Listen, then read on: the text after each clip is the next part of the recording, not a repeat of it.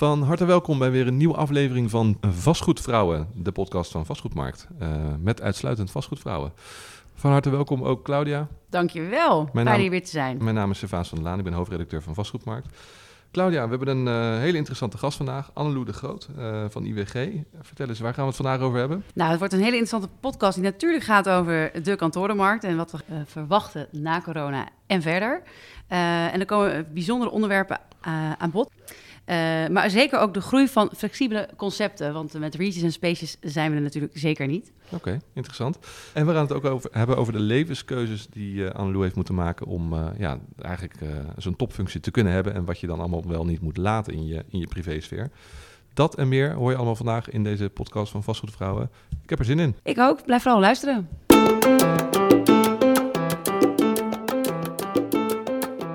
Welkom bij Vastgoedvrouwen. In deze podcast van Vastgoedmarkt leren we de vrouw in commercieel onroerend goed kennen. Hoe bewegen zij zich in een wereld die wordt gedomineerd door mannen in blauwe maatpakken en gesp schoenen? En hoe zijn ze in de wondere wereld van de stenen terechtgekomen? Presentatoren Servaas van der Laan en Claudia Heijmens duiken de diepte in. In een podcast vol humor, optimisme en een vleugje Hollandse nuchterheid. Oké, nou uh, welkom allemaal. We zitten hier uh, gezellig uh, bij Spaces op de Zuidas. Ehm, Claudia, leuk dat je er ook weer bent. Ja, dankjewel. En uh, het was heel leuk deze reis naartoe, want het is weer druk op de Zuidas. Oh ja, is het druk op de Zuidas? Ja, we zien weer uh, allemaal mensen zitten. En bij Spaces, ik was zelfs vanmorgen al uh, op de eerste locatie van Spaces op de Herengracht. En zelfs die was al vol.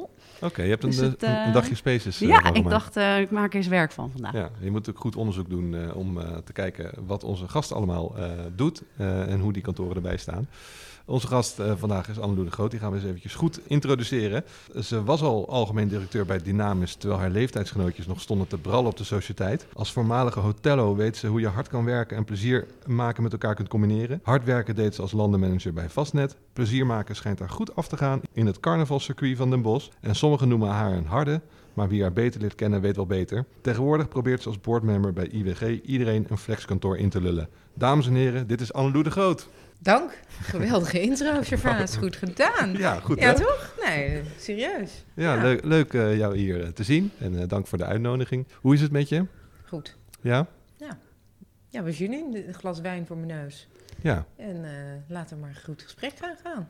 Ja. ja, helemaal leuk. Heel goed. Uh, nou ja, het was natuurlijk geen gemakkelijk jaar voor jou. Daar gaan we het denk ik uh, uh, nog over hebben. Hè. Bij IWG was het ook niet heel makkelijk in coronatijd. Maar de lockdown is zo goed als voorbij. Dus laten we vooruit kijken. We voor... kunnen alweer zonder mondkapjes de straat op. Dus dat is een goed teken. Ja, en ook deze podcast is zonder mondka mondkapje opgenomen. Dus dat is ook weer handig. We beginnen met iets heel leuks. dat zijn namelijk... Duivelse dilemma's.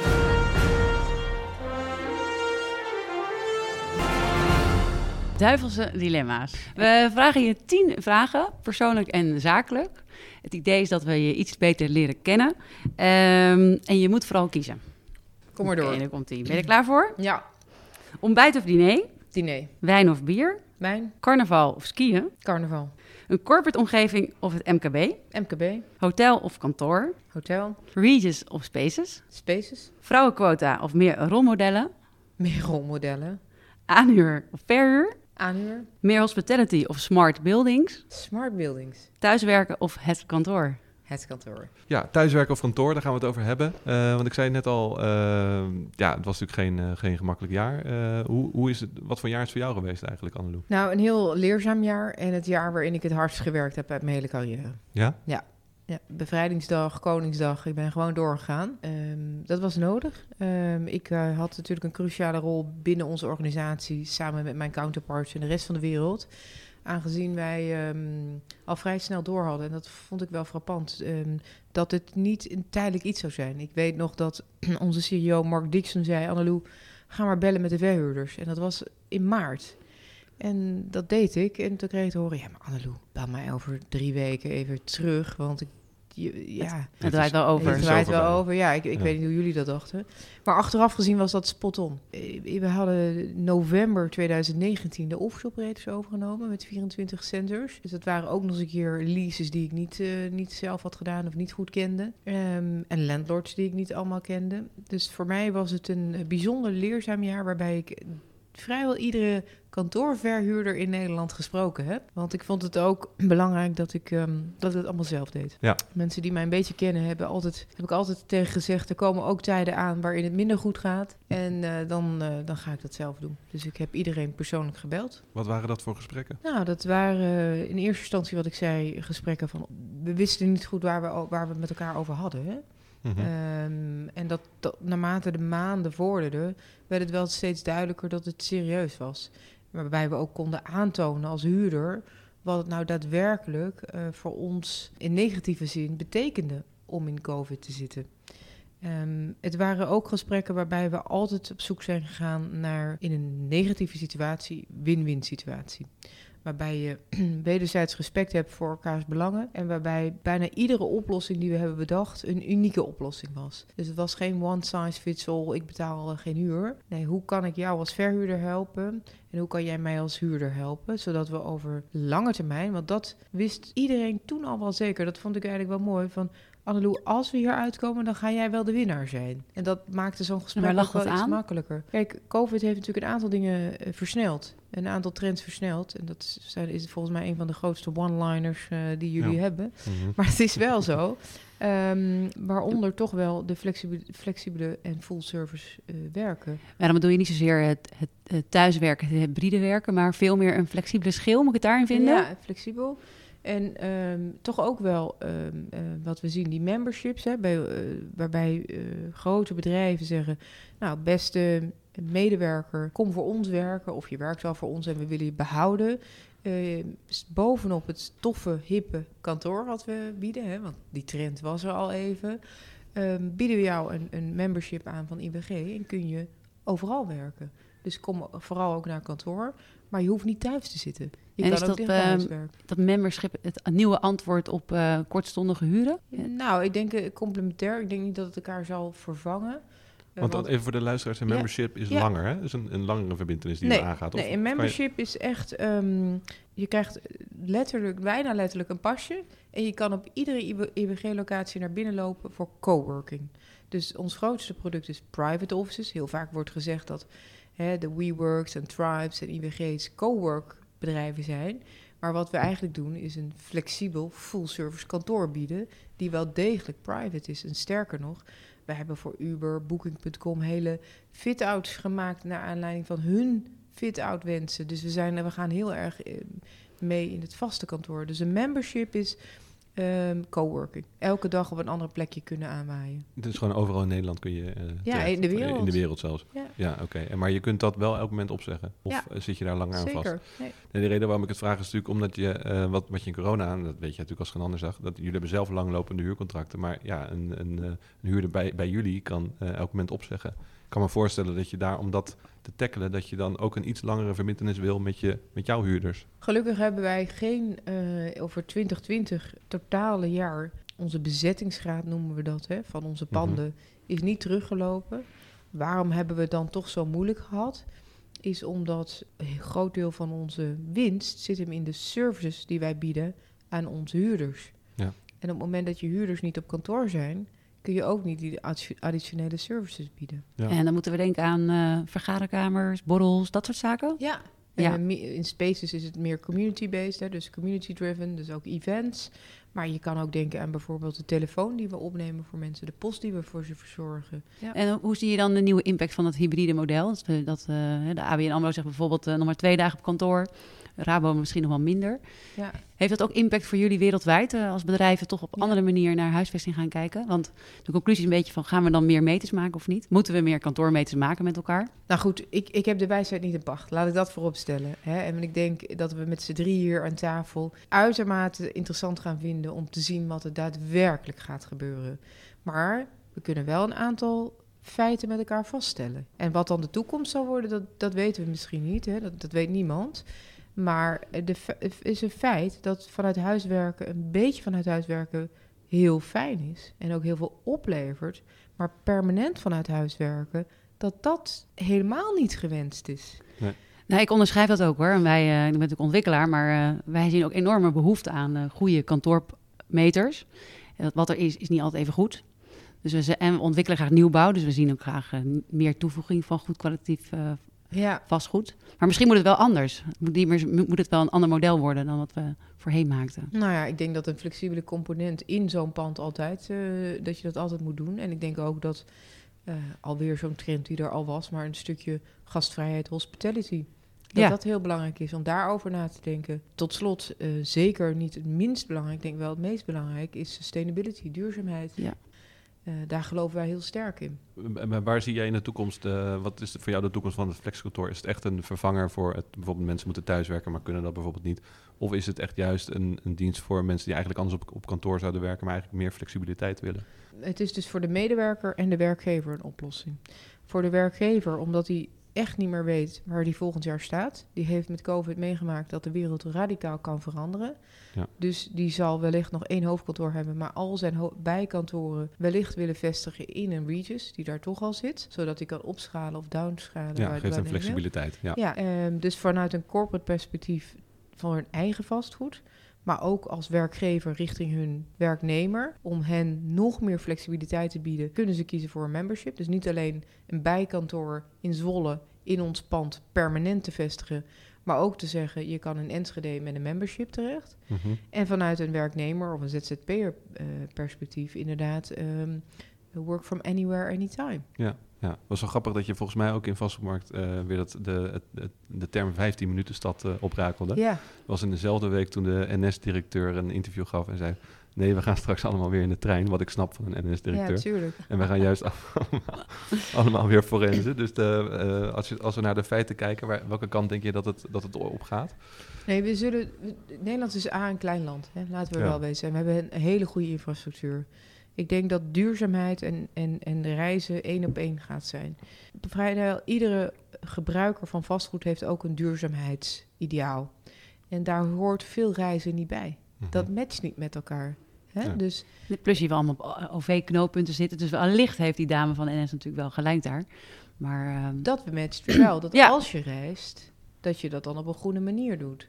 En dat is onder andere met het OV, maar er zijn meerdere ja, manieren waarop je op een maar ik kan me voorstellen dat voor jullie een OV-knooppunt als eh, strategische locatie voor jullie eh, vastgoed wel belangrijk is. Omdat Ja, daar juist daar de heel sterk in. Ja. Ja. We gaan natuurlijk in Utrecht ehm, twee grote centers openen op een OV-knooppunt in het Centraal. Eh, House Modernus van Ag- Sint-Azagmea en eh, Central Park van, eh, van ehm, APF nu nog. Ja. Ehm, Bouwinvest heeft dat gekocht. Allebei toevoegingen op toch al het bezit wat we in Utrecht hebben. En in Utrecht heb je en een OV-knooppunt en is natuurlijk heel centraal gelegen in, eh, in Nederland. Ja, een tijdje was het helemaal eh, het, de tweede Zuidas. Hè? Toen vloog iedereen richting Utrecht. Ja, het lag ook natuurlijk aan de huurprijzen. Ja, Ja. En, en aanbod natuurlijk. Maar ik geloof en wel in de op kracht zoek naar van... goede eh, mensen. Hè? Ja, ja. Ja. het is een prachtige locatie nou Ja. opzicht. Even terug naar hospitality. Je hebt eh, hotelschool gedaan. Eh mixed-use eh, gebouwen, daar, eh, daar, daar willen we graag aan, eh, aan werken. hè. Volgens mij kunnen we best wel veel mixen. Heb jij, heb jij tips voor de vastgoedontwikkelaars hier? Zeker. Ja, ik Annelou was Annelou niet als ze niet even met een tipje komt. Tips. Tips. Tip 1. Nee. Tip nee, ik heb eigenlijk maar één tip. Ehm, wat je ziet vanuit een ontwikkel- eh, of, of belegger eh, perspectief... is dat zij wellicht een mixed-use gebouw neerzetten... Maar eh, in mijn optiek eh, niet altijd, hè, ik zeg bewust niet altijd, er zijn er genoeg die dat wel doen, ook nadenken over het gebruik. Dus je kan het wel neerzetten als een mixed-use gebouw, maar vervolgens moet je nadenken hoe je het ook gaat activeren. Ik ben nu bezig, eh, een ander project in, in, ehm, in Utrecht, Wonderwoods. Prachtig concept, GNS ontwikkelt dat, waarbij we ook heel veel functies op een in een klein eh, eh, gebiedje en eh, zelfs één pand gaan, gaan samenvoegen. En met GNS zijn wij nu aan het nadenken over ehm, hoe kunnen we ook zorgen dat die bewoner, gebruiker, eh, winkelende, horeca, hoe zich dat ook nog eens een keer samenvoegt en, en met elkaar versmelt. Ja, en gaat mengen. Ja, Ja, dus de ro- mixed use betekent ook dat je het in de use moet mixen. Ja. En niet alleen bij je ontwikkeling. En daar moet je dus al wel vroegtijdig over nadenken. Nou, wij zien bijvoorbeeld bij beleggers, vooral als het gaat om huur, heel graag de behoefte om toch wel doelgroepen te scheiden. Eh, ook een stukje angst. Ja. Eh, zou je het erg vinden als eh, nou, hier bijvoorbeeld de Puls die ontwikkeld wordt, eh, een, eh, een eh, bioscoop in Ja. combinatie met high-end kantoor. Ja. Eh, is dat een omgeving waar je dan denkt, oké, daar, daar, daar moet ik echt zorg aan toegeven? Of dat zou je echt eh, van harte aanbevelen? Dat, hè, dat echt verschillende doelgroepen samenkomt. Ik geloof heel sterk in, ehm, in, in het mengen van functies. Ehm, je zou sterker nog hebben. Ik heb natuurlijk die hoteldeal gedaan. Ik weet niet of jullie het gelezen hebben met eh Fatal Hotelgroep. Waarbij wij eh, een aantal verdiepingen van het Leonardo Hotel in Amsterdam eh, Zuidoost hebben getransformeerd tot kantoren. Maar wij zijn nu al in gesprek met elkaar. Wat nou als jij na vijf uur van het kantoor weer een kamer kan maken? Dat is mixed use. En dat is optimaal duurzaam zijn. Dan gebruik je dus overdag het als kantoor en s'avonds weer als kamer en in het weekend. Hoe, hè, dus, hoe doe je dat dan? Ehm, is om één hospitality desk te maken. Je, dus niet je concierge voor je woningen en je receptie voor je kantoren. En eh, een, een meneer die, eh, zoals je wel ziet in, in winkelstrips of een winkelmol, waarbij je dan een lokkers hebt en je even kan melden van waar is die winkel of kan ik een paraplu of een luier krijgen. La- waarom doe je dat niet op één plek? Ja. En laat je al die mensen naar één plek en train je die mensen dusdanig dat ze alle gebruikers kunnen faciliteren. Ja. Ja, ja. Maar je, Nou, ik denk dat dat... dat, je dat ziet bijvoorbeeld in de Rotterdam, eh, het gebouw van Rem Koolhaas, zie je inderdaad, er is een ingang voor de, voor de kantoormedewerkers, die van de gemeente en andere. En de andere ingang is voor het hotel en, eh, en restaurant. en. Dus dat wordt gescheiden. Maar jij zegt, iedereen lekker door dezelfde ingang naar Ja. binnen. ja. Beter. Nou, dat is- het beter. Dat zie je op Ja. sommige plekken wel wel. Maar als je zegt eh, overdag kantoor, s'avonds slapen. Hoe gaat dat praktisch dan? Hoe zie je dat eh Nee, dat is- businessmodel voor zich? Dat is toekomstdenken. Maar dat is natuurlijk wel iets. Kijk, het bestaat al dat je. eh, er is al een meubel gebouwd die je kan switchen, een bed naar een, een, een tafel. Dat bestaat dus gewoon al. Mhm. ja, ik denk dat de IKEA dat zo aanbiedt. Hè, het, eh, Nou, ja, het- de, kast ik- die je zo uitklapt naar het stapelbed. Weet je Dat denk ik wel. Ik moet er altijd gelijk in Japan Maar, denken. Ja. Oh, sorry. Ja. Opklap- opklaphuizen. ja. Ja, Nee, ja. maar goed, in Nederland heeft ze natuurlijk ook ruimte schaars. We willen ook eventjes eh, jou wat beter leren kennen, Annelou. Want uiteindelijk is een podcast daar een heel goed medium voor. Ten eerste, hoe, hoe eh, woonwerk je zelf eigenlijk? Hè? Want je, ben je zelf ook zo flexibel als, als, als wat jullie aanbieden met de IWG? Eh, ik heb geen vast kantoor. Ik heb wel in het begin, mijn eerste jaar bij IWG, gedacht: dit wordt mijn kantoor. En elke keer als ik dat dacht, hadden ze het kantoor verkocht aan iemand anders. Dus dat, heb ik maar losgelaten. Nee, letterlijk die tas die jullie links naast mij zien, waar mijn laptop in zit, is mijn kantoor. Eh, ik ben een werkende nomade. Ehm, Een digital nomad. ja, en ehm, ja. ja. digital nomad, werkende nomad, denk Hm. ik. Geen idee. Hm. Eh, dat weet jij beter dan ik. maar ehm, en ik, in, in, voor mijn rol moet ik natuurlijk veel in Amsterdam zijn, omdat daar nou eenmaal zich veel afspeelt. Veel ontwikkelaars, eh, eindbeleggers hebben hun hoofdkantoor hier, waar we vandaag zijn. Maar ehm, ik wil ook mijn panden zien. En zoals jullie weten is IWG een bedrijf wat gelooft in you can work from anywhere, anytime. En we willen ook dat netwerk nog verder verdiepen in Nederland. Dus dat betekent dat ik in een week eh, van Maastricht Airport, waar ik nu aan het kijken ben voor een locatie, tot aan Rotterdam, Amsterdam en misschien wel een keer, nou ik ga overigens volgende week weer naar Groningen. Dus ik, ik, ik werk overal en het fijne is dat ik onderweg ook overal kan stoppen om even die call te doen of even te werken daar bij onze vestigingen. Ja, ja. Lijkt eh, echt een vertegenwoordiger zo. Je gaat het hele land door. eh, dat is Is fantastisch. dat ook de, de reden dat je koos voor eh, smart buildings? Want eh, dat ligt dan in een verlengde. Loop je Nou- tegen bepaalde dingen aan? wa- Wat je... Ik weet niet meer wat het alternatief is, maar voor mij staat op dit moment op nummer één op de agenda duurzaamheid. En ik denk ehm, ehm, dat dat de komende decennia voor iedereen van ons het belangrijkste item gaat worden. Hoe ga ik ervoor zorgen dat mijn footprint ehm, kleiner wordt? Eh, hoe ga ik ervoor zorgen dat ik bijdraag aan een betere wereld? En of jij nou een medium bent zoals vastgoedmarkt, een ontwikkelaar bent of zo weet ik een gebruiker ben van het vastgoed en dat weer doorvuur aan anderen, moeten we allemaal nadenken over onze duurzaamheidsidealen en doelstellingen. En daarom heb ik voor smart building gekozen. Ja. Ja. Nou, dat gaat natuurlijk één op één met, eh, met duurzaamheid en eh, wel waar je over, eh Ja. over sprak. Gaat over gezondheid eigenlijk. Ik denk dat corona ons dat allemaal wel iets meer heeft meegegeven. Eh, in dat kader, hè, de, de, kan- de kantoortuin bijvoorbeeld, wij, we praten er wel eens over. Ga- Gaat hij weer terug de kast in? Of eh, willen we toch met elkaar weer eh, lekker bij elkaar werken? Zie jij verandering bij jouw, jouw huurders en de, de vraag daarin? Nou, Vanuit de duurzaamheid. wat wij, er zijn een aantal dingen die we gezien hebben. Hè. Dus de toekomst nogmaals lastig te voorspellen. Maar wat hebben we tijdens dat COVID-jaar gezien? Is dat in de middelgrote en kleinere steden de bezetting veel hoger was. We hebben overigens al onze centers, de office operators, spaces en regions, dus allemaal open gehouden tijdens COVID. Dat was nog eh, behoorlijk. eh, je hebt 4, locatie, 4% van de locaties gesloten, toch? Ja.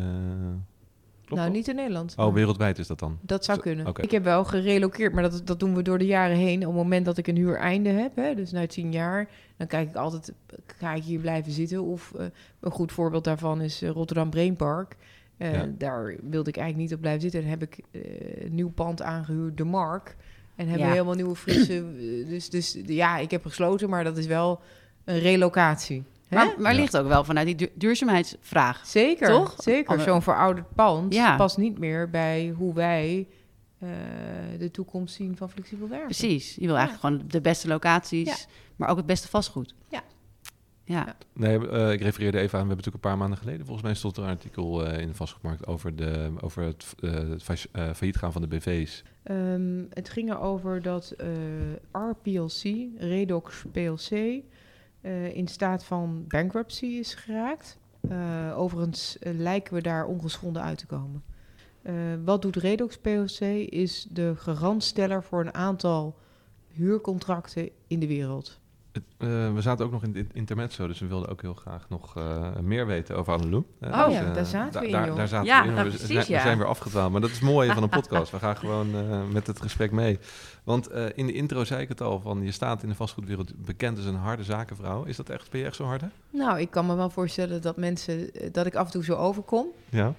Is dit iets waar je bewust mee bezig bent? Of ben je Nee. altijd al zo geweest? Of, Ik hoop ook dat mensen mij zien als authentiek. Eh, ik ben in ieder geval nooit politiek. Eh, en ik probeer altijd authentiek te zijn. Ehm, ik ga ook altijd uit van een win-win situatie. Maar dat betekent niet dat ik niet hard ben.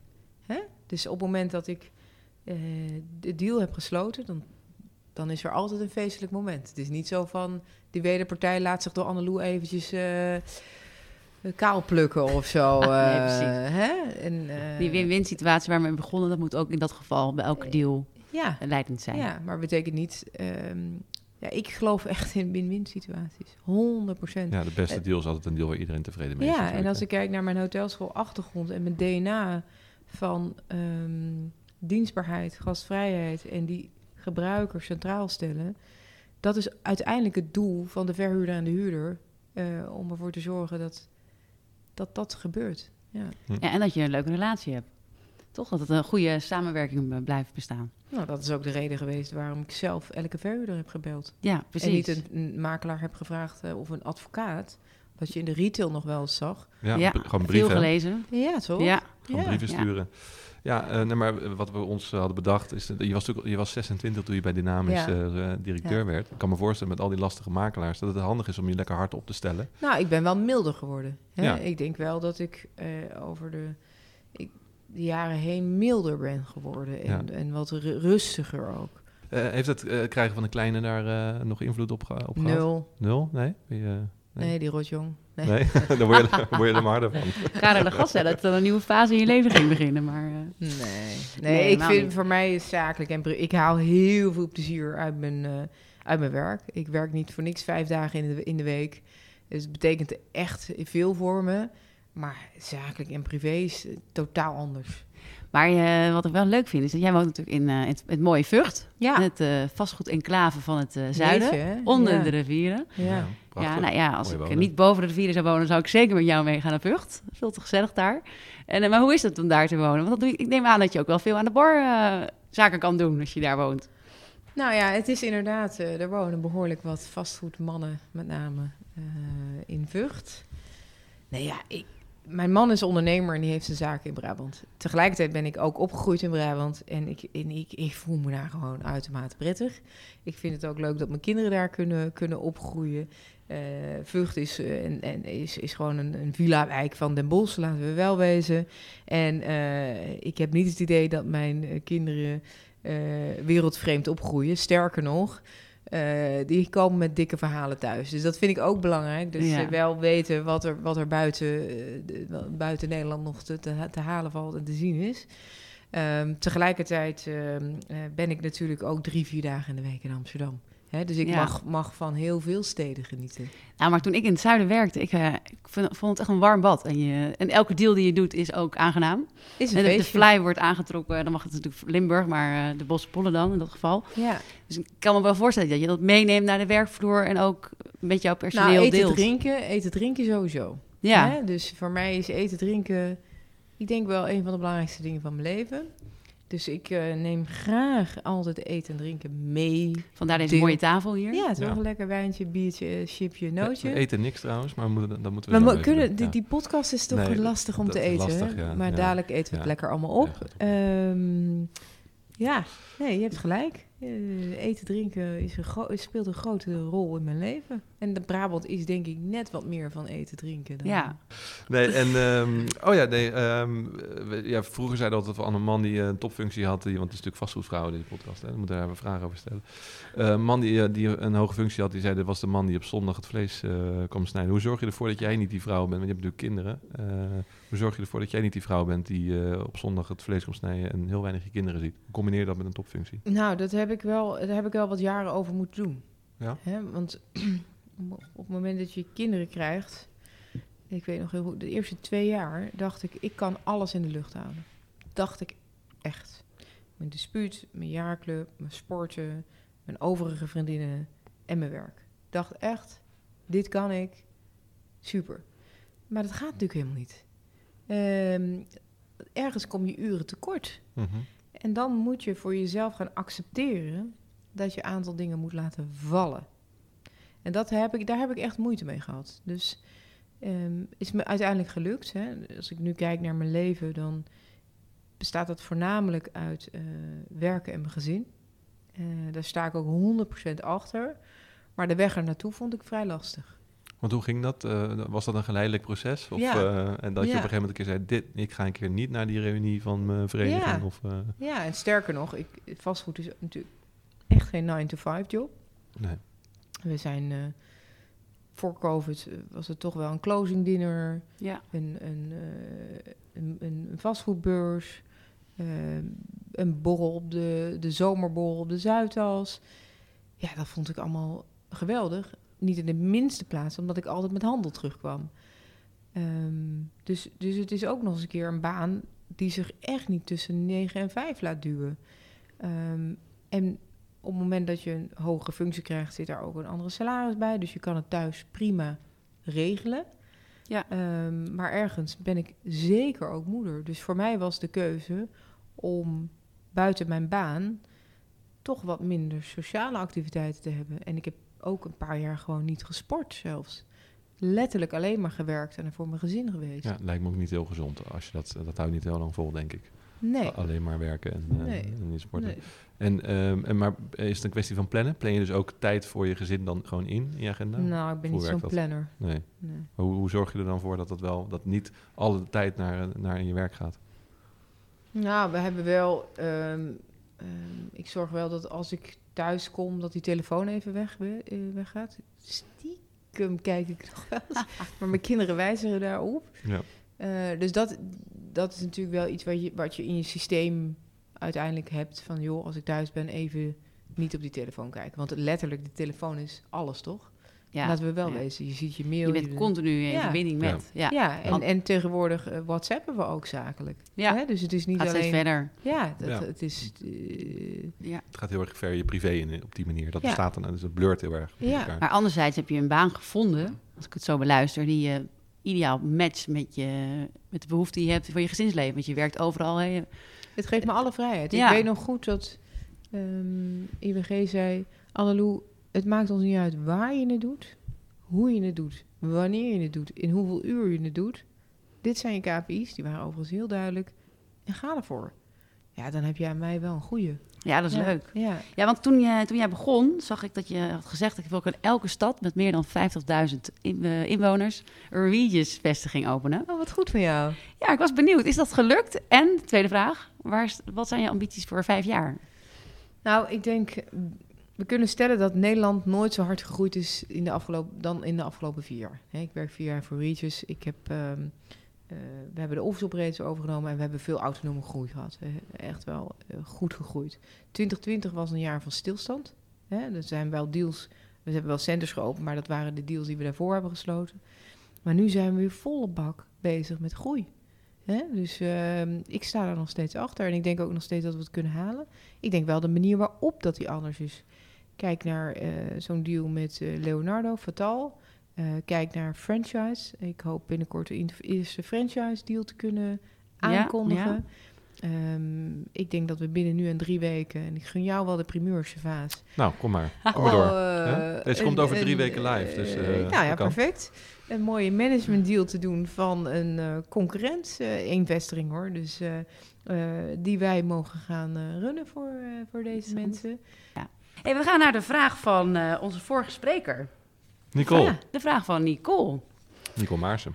Ehm, nou, Nicole eh, eh, gaat afscheid nemen, maar ze blijft gelukkig in de wereld van beleggingen en ook maatschappelijk beleggen, waar we het al even over hadden. En haar vraag aan jou is: kun je een verdienmodel maken met woonbeleggers in relatie tot flexibel werken? Dus als wij het eventjes vertalen, kan je straks bij je huurwoning all-in ook toegang krijgen tot een werkruimte. 100%. En Nicole, bel me.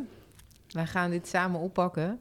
Nee, kijk, als we nu kijken naar betaalbaarheid van woningen... en ik, ik, heb, ik heb natuurlijk helemaal niet de verstand van woningen zoals zij dat heeft.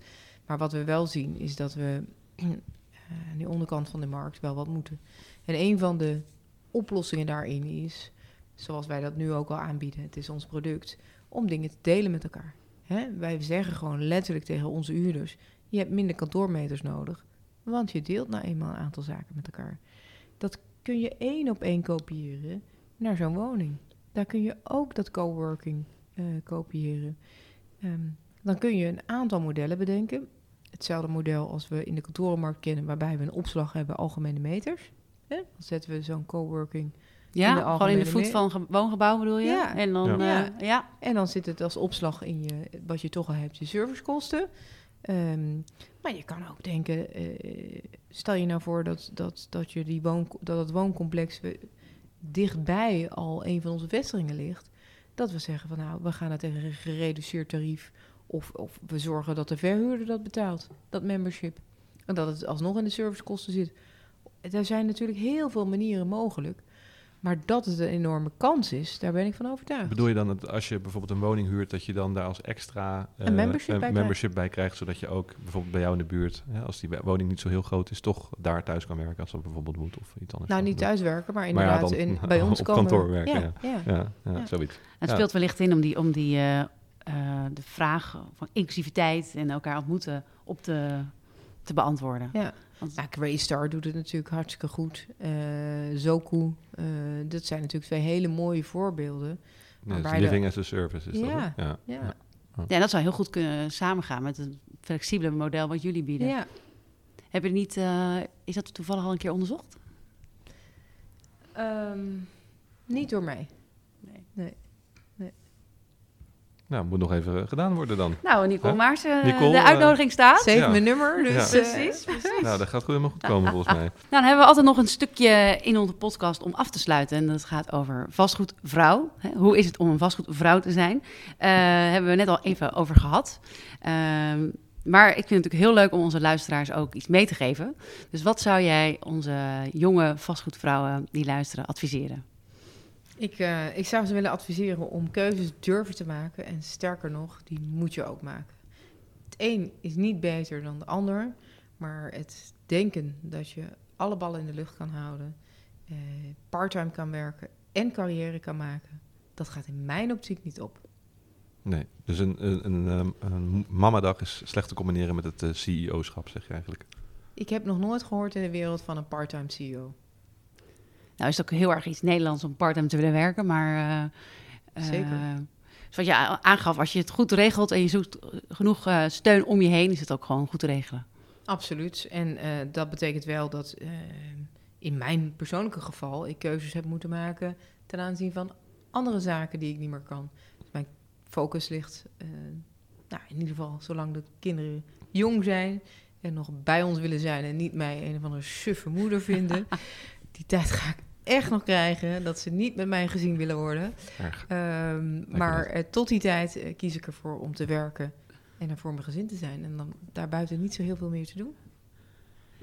Eh, nou, lijkt me een hele goede tip, toch? Ja, Eh, als, je, als je hogerop wil, dan moet je zeker er ook hard voor werken. En daar Kiezen. keuzes bij. Dus eh, eh, neem het mee. Ja, kiezen. Mamadag of CEO. Nou, hè, Precies. ik zou het wel weten. Nou, de- de- het laatste onderdeel is de, de vraag aan de volgende gast. En onze volgende gast is eh, makelaar Eefje Voogd. Eh, jou wellicht eh, bekend. En eh, wat zou je haar willen vragen? Ja, Eefje, ehm, hoe leuk dat ik jou een vraag mag stellen. Zo goed kennen we elkaar niet, maar eh, respect voor alles wat je doet en de naam die je hebt opgebouwd. Ehm, ik, de vraag aan jou is, hoe blijf je als makelaar relevant? Hele duidelijke, concrete en interessante vraag. We gaan hem stellen. Absoluut. Dankjewel. Dit was Vastgoedvrouwen, de podcast van Vastgoedmarkt over vrouwen die in de vastgoedsector werken. Bedankt voor het luisteren en graag tot de volgende keer.